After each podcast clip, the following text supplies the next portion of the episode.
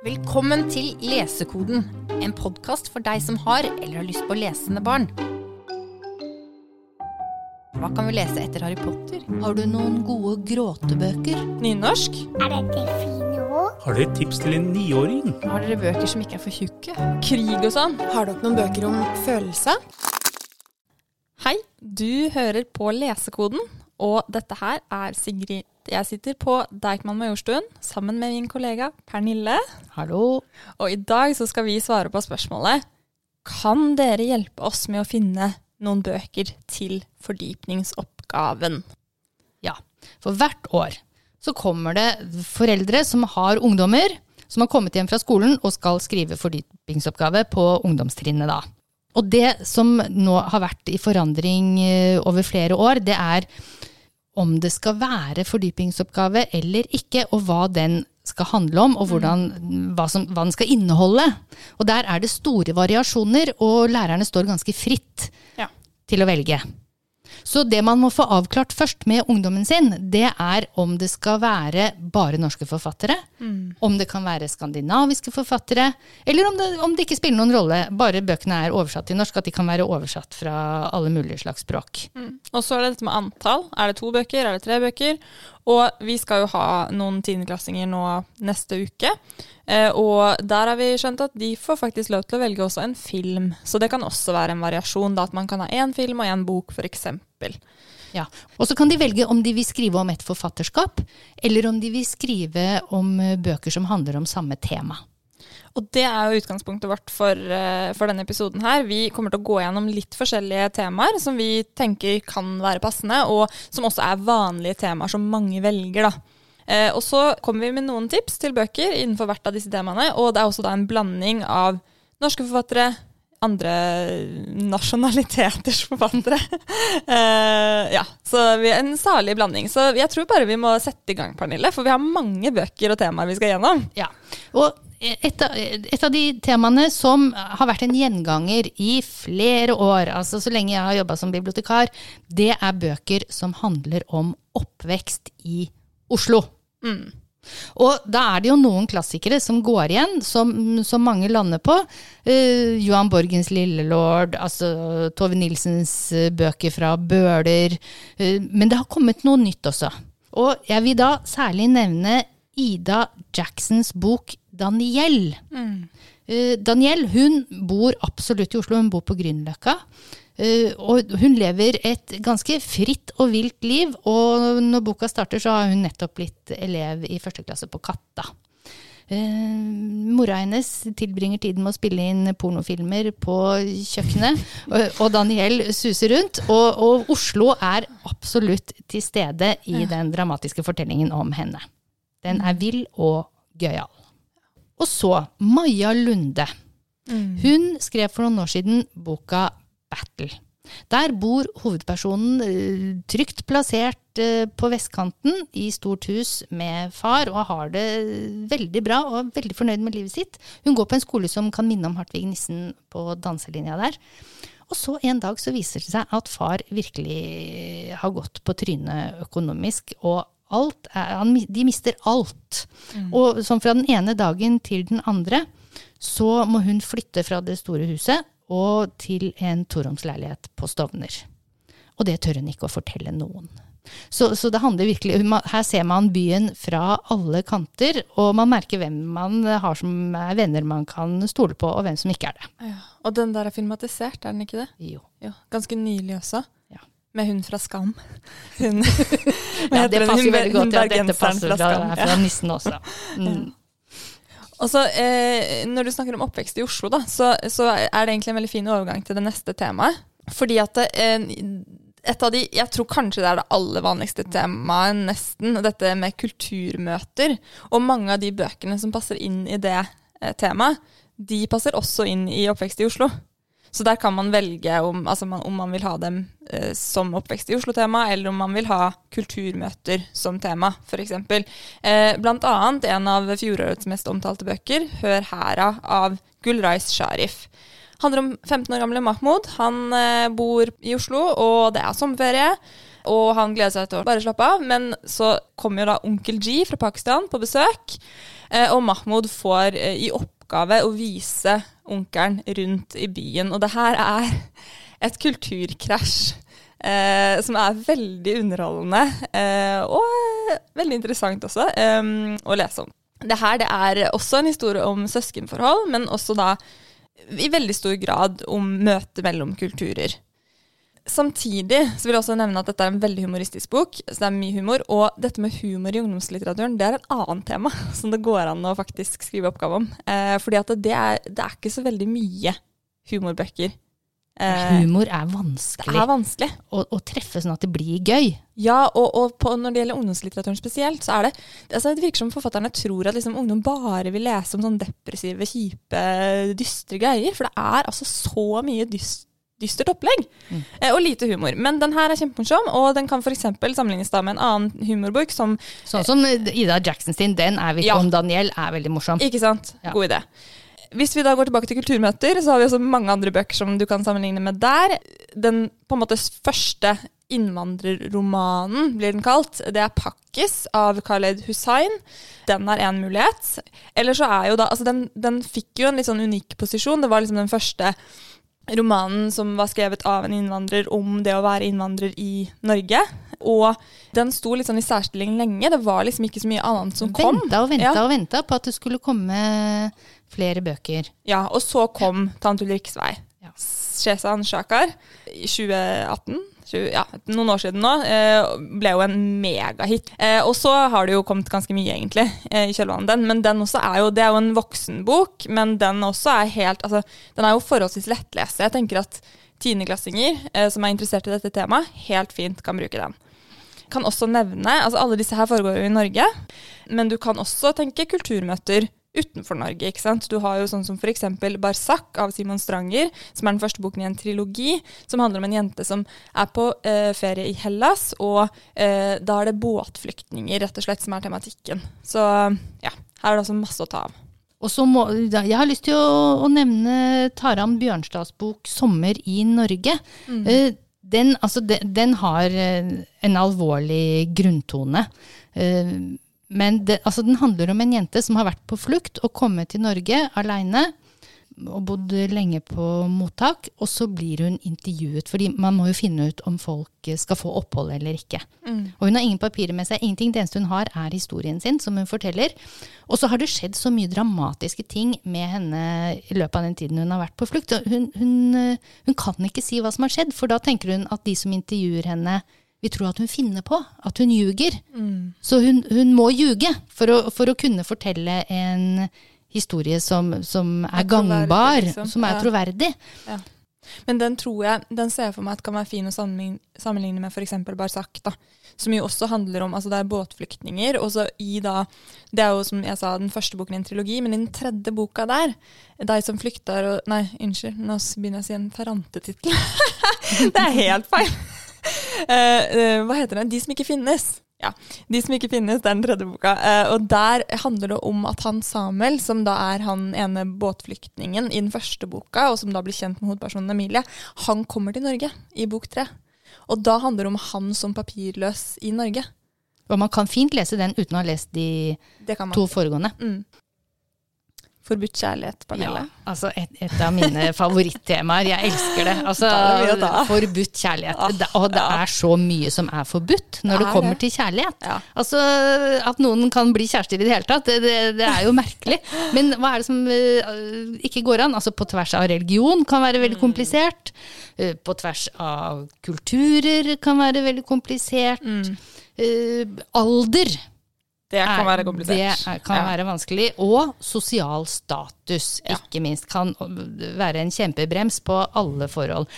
Fire bøker foran meg, og den ene det er Sverre Henmos 'Natt på Frognerbadet'. Den kom for noen år siden, og den er veldig Det er en Oslo-bok.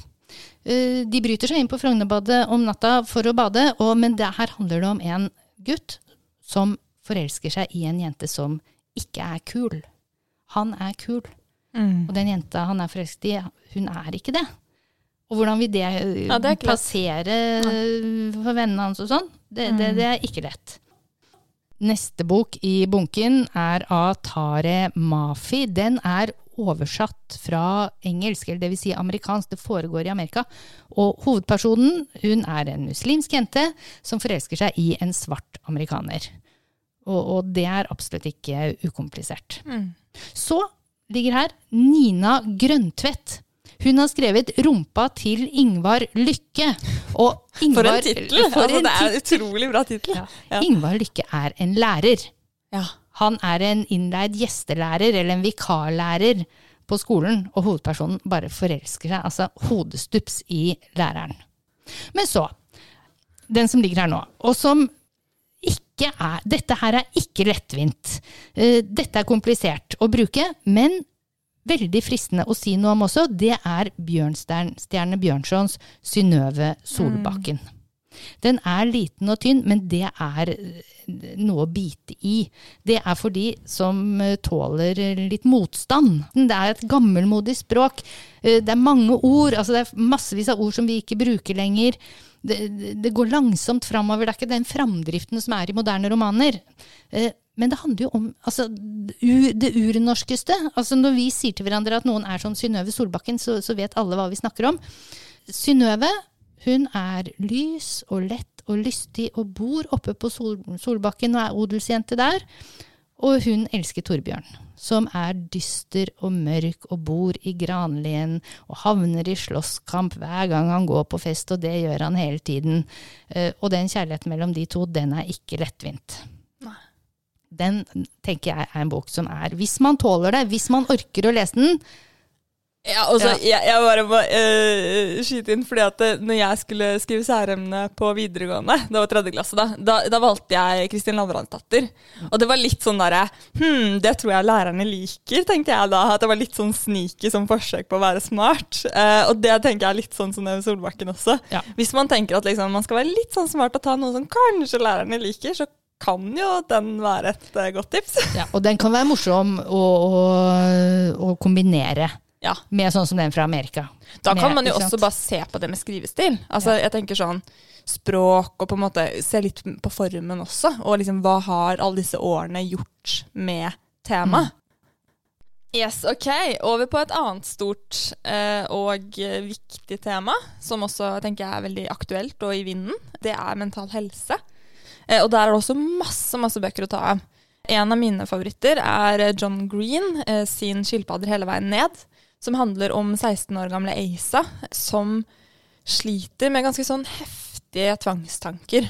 Hun eh, tenker hele tiden på bakterier og infeksjoner, og hun har et sånn bitte lite sår på fingeren som hun hele tiden driver og eh, tenker på. Da. Eh, og hun ser for seg at det vokser bakterier inni dette såret, og, eh, og at hun kommer til å bli syk, da, og at dette kommer til å spre seg til hele kroppen, og at hun kommer til å dø. Det er det som på en måte er til syvende og sist eh, tanken. Da.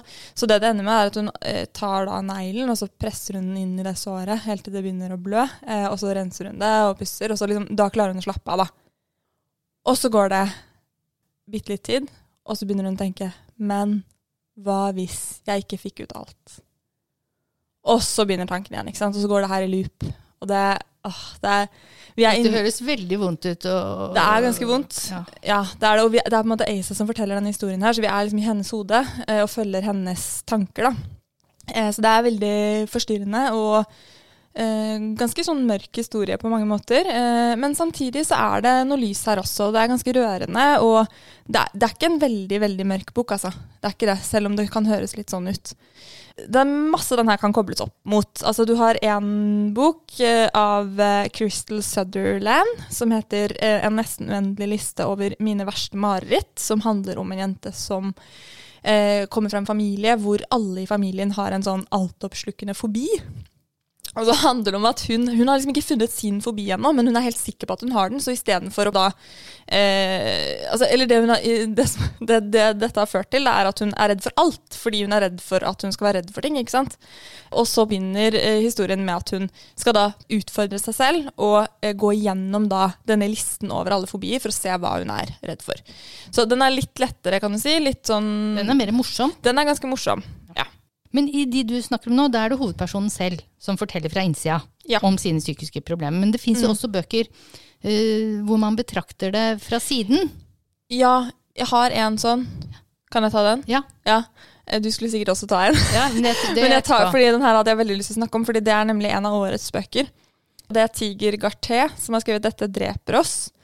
Eh, og det er en bok eh, om en gutt som har en far som er en såkalt prepper.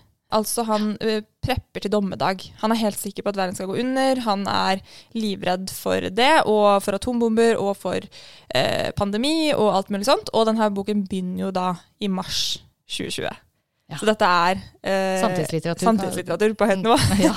Eh, og de, han, eh, de flytter flykter da, hovedpersonen og faren flykter ut i skogen, tar med seg, pakker sammen alt de har, flytter ut eh, og skal overleve da, unna pandemien. Det er, den her er brutal, altså. Det er skikkelig mørkt. Men der handler det om farens da, mentale helse, og da Samuel som Han har ingen andre, ikke sant? Så han blir Altså, dette er jo omsorgssvikt også. Mm. Så et annet tema Mm. som man kan snakke om. Ja. Mm. Ja, en til som, som, som ligner litt. Uh, hvor det er uh, to venninner, og den ene av dem har en veldig, veldig psykisk syk mor. Og så er det hvordan venninnen forholder seg til det. Ikke sant? Hva er det da å være lojal? Er det å hjelpe til med å dekke over de psykiske problemene, sånn at eh, venninnen kan fortsette å, å leve sammen med moren sin og ha det veldig dårlig? Eller er det å si noe om det? Ja. Og det, den jeg snakker om nå, det er boka til eh, Tyra Tronstad som heter 'Hvis det er fler som ljuger nå'. Så neste tema, det er krig. Og en av de bøkene som eh, har dukket opp igjen eh, siste tiden, det er Deborah Ellis sin bok 'Parvana'. Mm, hyperaktuell. Hyperaktuell! Den kom ut i 2004, forrige gang Taliban hadde makten i Kabul, og, og, og beskriver livet ja. i Kabul eh, når det er krig. Og, og det den er det den viser så tydelig, det er at ok, krig er eh, veldig farlig, og det er skummelt, og folk skyter på deg og vil drepe deg, og mm, sånn, men ikke minst så er det veldig tungvint og upraktisk når det er krig.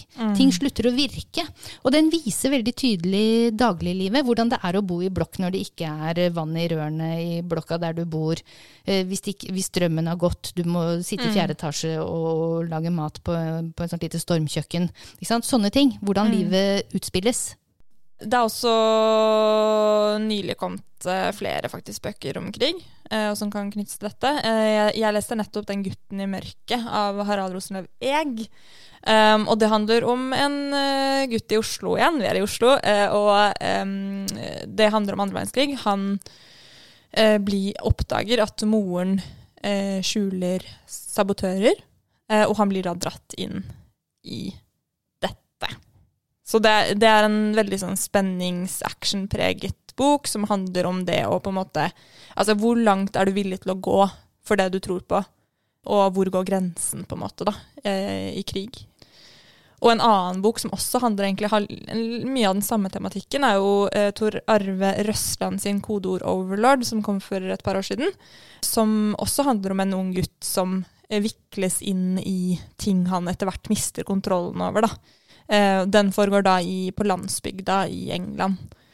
Ja, jeg, har, jeg har lyst til å, å snakke om eh, Espen Søbys Ket, alltid vært i Norge. Ket er vår lokale her på Majorstua, så er hun eh, vår lokale jente.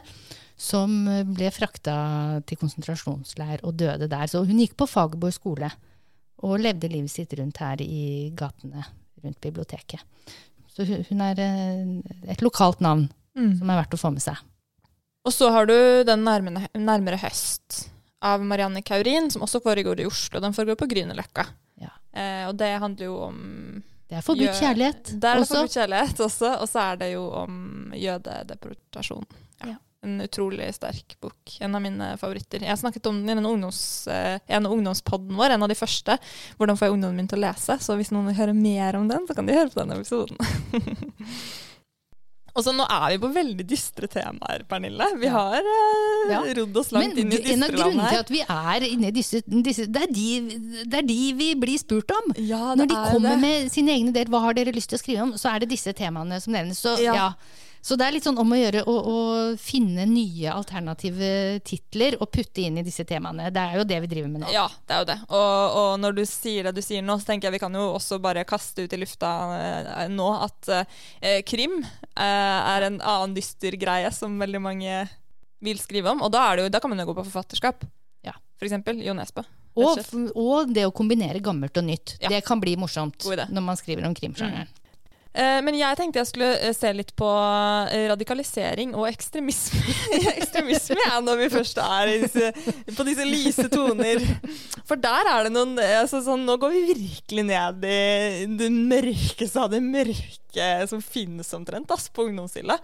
Eh, og den eh, kanskje aller mest brutale av de jeg tenker på her nå, er jo eh, Når hundene kommer av Jessica Schiffauer, svensk forfatter.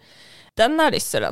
Og brutal og mørk. Og der eh, handler det jo om radikalisering, og det handler om nynazisme og disse tingene her. Og den tenker jeg at kunne vært eh, veldig spennende å eh, sammenligne med f.eks. 'Dronen' av Tor Arve Røsland. Jeg, jeg har flere titler av han, eh, merker jeg her. Um, den inngår i Skumringsserien, som er en sånn lettlest eh, spenningsserie for ungdom, som er veldig fin, hvor det er mye luft på sidene. Det er ikke så veldig eh, mye tekst, egentlig. Veldig lettlest. Og eh, veldig sånn drivende, da. Eh, handler om Thomas. Han har fått en drone i gave. Og en kveld så filmer han tilfeldigvis en gjeng med råkjørere. Og snart så blir han dratt inn i denne gjengen, og de har som hobby å filme stunts og ulykker og legge det ut på nett. Thomas han er en litt sånn ensom gutt. Eh, Har ikke så mange venner, trenger venner, og blir jo da dratt inn i den gjengen her. Og det viser seg ganske snart at det her er mer komplisert enn som så. Her er det ikke bare råkjørere, her er det folk som har ganske mye litt skumle holdninger. Eh, og det er ting som blir planlagt, og politiet er på, på sporet av dem. Så det her er en fortelling om det å stå liksom, utenfor samfunnet, og det derre hvordan du på en måte blir et veldig lett offer da, for radikale krefter. Og en annen bok som har akkurat den samme tematikken der, det er den 'Mine brødre' av Adel Khan Farouk, som er lagt til før og etter terrorangrepet i Paris, og som også handler om nettopp det å bli dratt inn i sånne ekstreme miljøer og bli radikalisert. Da. Men disse, disse blir jo radikalisert i hver sin retning. Ja, Det blir de, og Ja. det er en veldig interessant sammenligningsgreie. Ja, Ja. Vi har allerede snakket om flere bøker som er filmatisert, og det er jo et tema man kan skrive om. Har du noen titler, Pernille? Uh, ja. Jeg, vi må nevne Ingvar Ambjørnsen.